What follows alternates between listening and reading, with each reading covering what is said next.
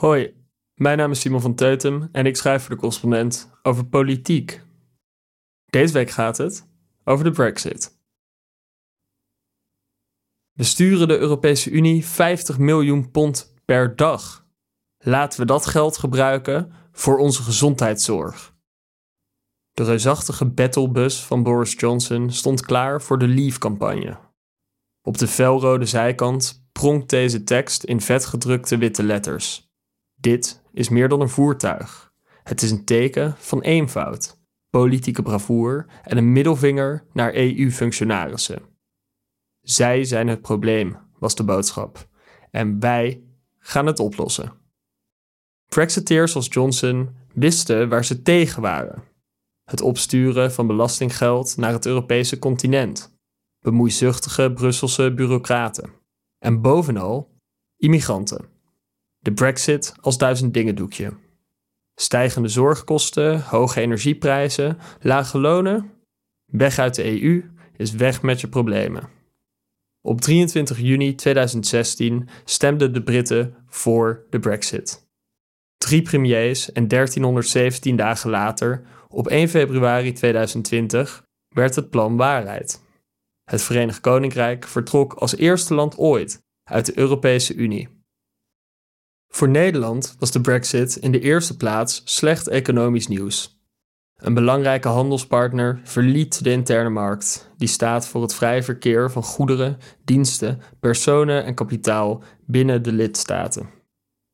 Tarieven over handel met de Brexit kosten onze bedrijven geld. Maar de Brexit was ook een handig experiment, zo op afstand. In 2016 wilden drie op de tien kiezers in Nederland een nexit. En nog eens 14% was er niet over uit. Wie weet hebben Nigel Farage en Boris Johnson wel gelijk, was het idee. Als het daar een daverend succes wordt, moeten wij dat voorbeeld volgen. Zonder proefkonijn blijft dit onduidelijk. Inmiddels is de Brexit alweer vier jaar geleden en hebben we een aardig beeld van hoe het de Britten is vergaan.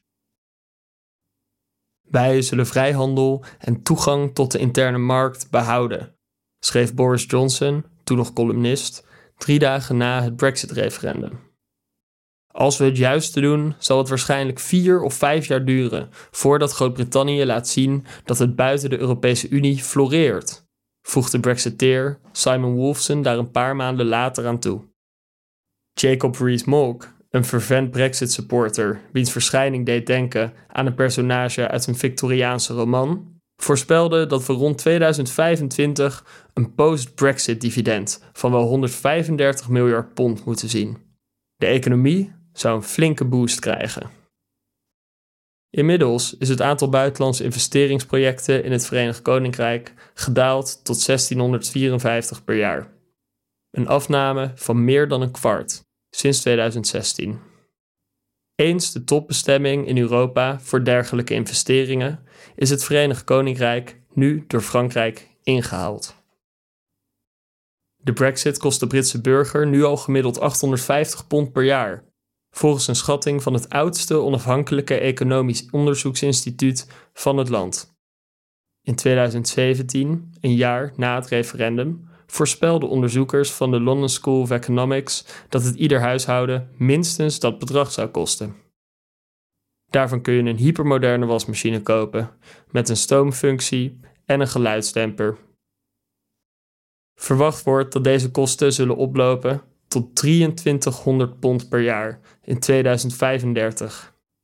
Dit komt voornamelijk door verminderde handel met de EU een lagere productiviteit en een aanhoudende daling in buitenlandse investeringen vergeleken met een bestaan binnen de Unie.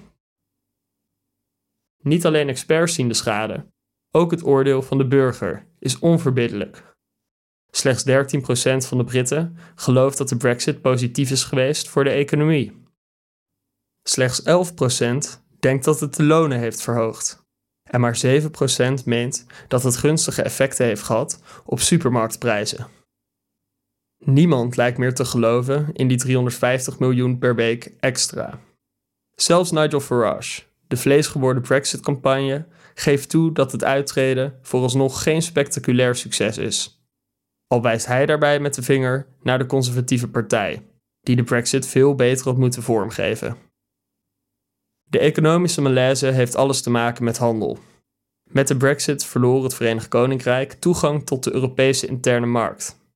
Daardoor wordt de in- en uitvoer van goederen duurder en ingewikkelder. Ironisch genoeg was de battlebus van de Leave-campagne afkomstig uit Polen en Duitsland. Toch frappant, want volgens de Brexiteers zou vrijhandel juist opbloeien met een Brexit. We kunnen niet over wereldwijde handelsovereenkomsten onderhandelen, want de EU doet dat voor ons, schreef Nigel Farage drie dagen voor het referendum. Na een Brexit zouden we vrij zijn om te handelen in ons eigen nationaal belang, ongehinderd door EU-bureaucratie. Een jaar later deed Liam Fox, de toenmalige Britse minister van Internationale Handel en Brexiteer, een belofte. Zodra het Verenigd Koninkrijk zou uittreden, één seconde na middernacht, zouden er al 40 handelsovereenkomsten getekend zijn. De eerste deals na de Brexit werden niet gesloten met economische grootmachten, maar met landen als Chili, Israël en de Faroe-eilanden. Inmiddels zijn de drie grootste overeenkomsten die met Zwitserland, Japan en Canada. Er is nog altijd geen handelsovereenkomst met de Verenigde Staten. Frank van Oort, hoogleraar stedelijke en regionale economie aan de Erasmus Universiteit en een van de best ingelichte Brexit-deskundigen van Nederland, deed onderzoek naar de economische gevolgen van het Britse vertrek uit de EU. De Brexiteers dachten dat ze zelf betere akkoorden zouden kunnen sluiten met ieder individueel land dan de EU dat zou kunnen, legt hij uit. Maar ze misten twee belangrijke punten. Ten eerste, de meeste handel vindt plaats met geografisch nabije landen, zoals EU-lidstaten. En ten tweede, sommige Brexiteers dachten dat ze minder handel met de EU konden compenseren door nieuwe akkoorden met de Verenigde Staten, voormalige koloniën of Aziatische landen. Maar dat valt flink tegen. Neem de Amerikanen. Voor hen is het Verenigd Koninkrijk maar een kleine speler. Hoewel handel met kleinere landen best mogelijk is, brengt het sluiten van een nieuw handelsakkoord veel uitdagingen met zich mee, vertelt Van Oort. Zoals dat er moet worden voldaan aan allerlei kwaliteitsstandaarden. In vergelijking met de grote EU-markt is de Amerikaanse inspanning voor alle onderhandelingen en regulering voor het WK dus veel minder lonend. Hierdoor staan de Britten lager op de agenda van hun gewenste handelspartners en is er vier jaar na de Brexit nog steeds geen akkoord bereikt. Toch is de Brexit meer dan een verhaal over economische schade en vrijhandelsakkoorden. Ook voor het referendum was het vonnis van economen al duidelijk. Een Brexit zou de economie niet helpen. Dit was zelfs het speerpunt van de gefaalde Remain-campagne, die door Brexiteers smalend Project Fear werd genoemd. Het belangrijkste punt van de Leave-campagne was dan ook grip op de eigen grenzen. Take back control was de slogan. Een week voor het referendum stond Nigel Farage voor een gigantische poster. Je zag daarop een stoet migranten en vluchtelingen van kleur, met daarboven in rode letters Breaking Point. Maar sinds het Brexit-referendum is het migratiesaldo, het aantal nieuwkomers minus het aantal vertrekkers, alleen maar toegenomen. En niet zo'n beetje ook.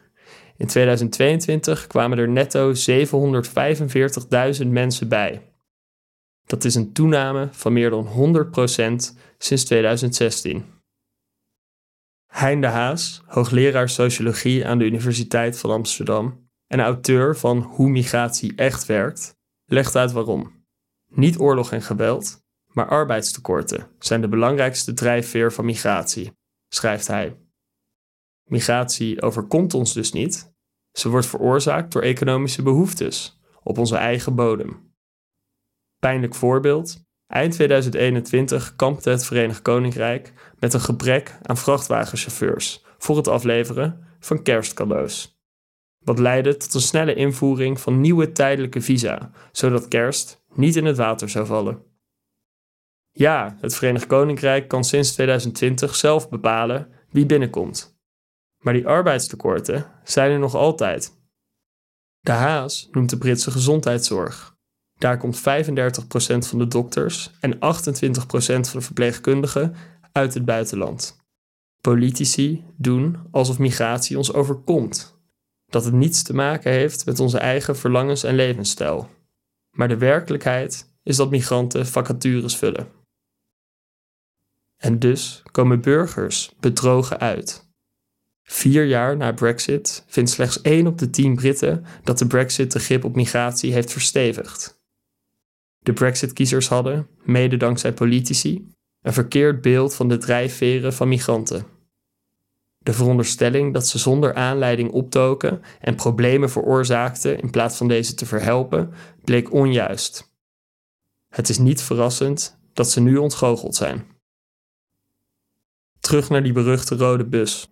Die 350 miljoen pond per week voor de Britse gezondheidszorg, die kwam er niet.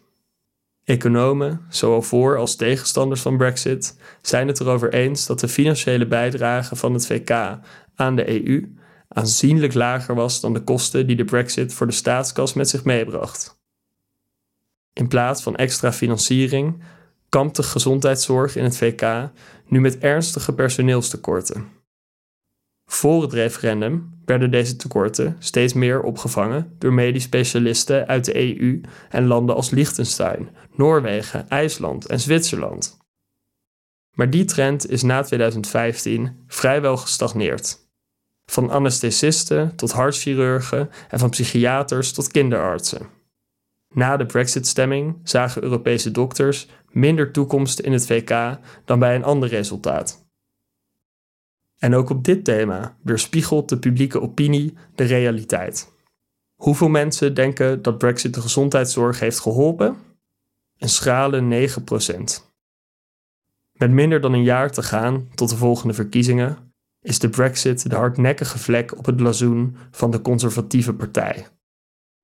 Dat toegeven zou een blamage zijn. Dus kiezen de Tories ervoor het onder de mat te vegen. Alles wijst erop dat ze afstevenen op hun slechtste verkiezingsresultaat van de afgelopen eeuw. Voor het eerst in 14 jaar ligt de weg open voor Labour om terug te keren naar de macht. Wat begon als een golf van zelfvertrouwen en optimisme, lijkt uitgemond te zijn in een zee van teleurstellingen en onvervulde verwachtingen. Het is nu aan Europese politici om waardevolle lessen uit dit debakel te trekken. Het experiment is mislukt. Die Europese Unie is zo slecht nog niet. Dit verhaal heb je gratis kunnen luisteren, net als honderden andere audioverhalen van het afgelopen jaar. Maar het maken van dit soort verhalen is niet gratis. Ze worden mogelijk gemaakt door onze betalende leden. Ga daarom naar decorrespondent.nl en word lid. Want onafhankelijke journalistiek is afhankelijk van jou.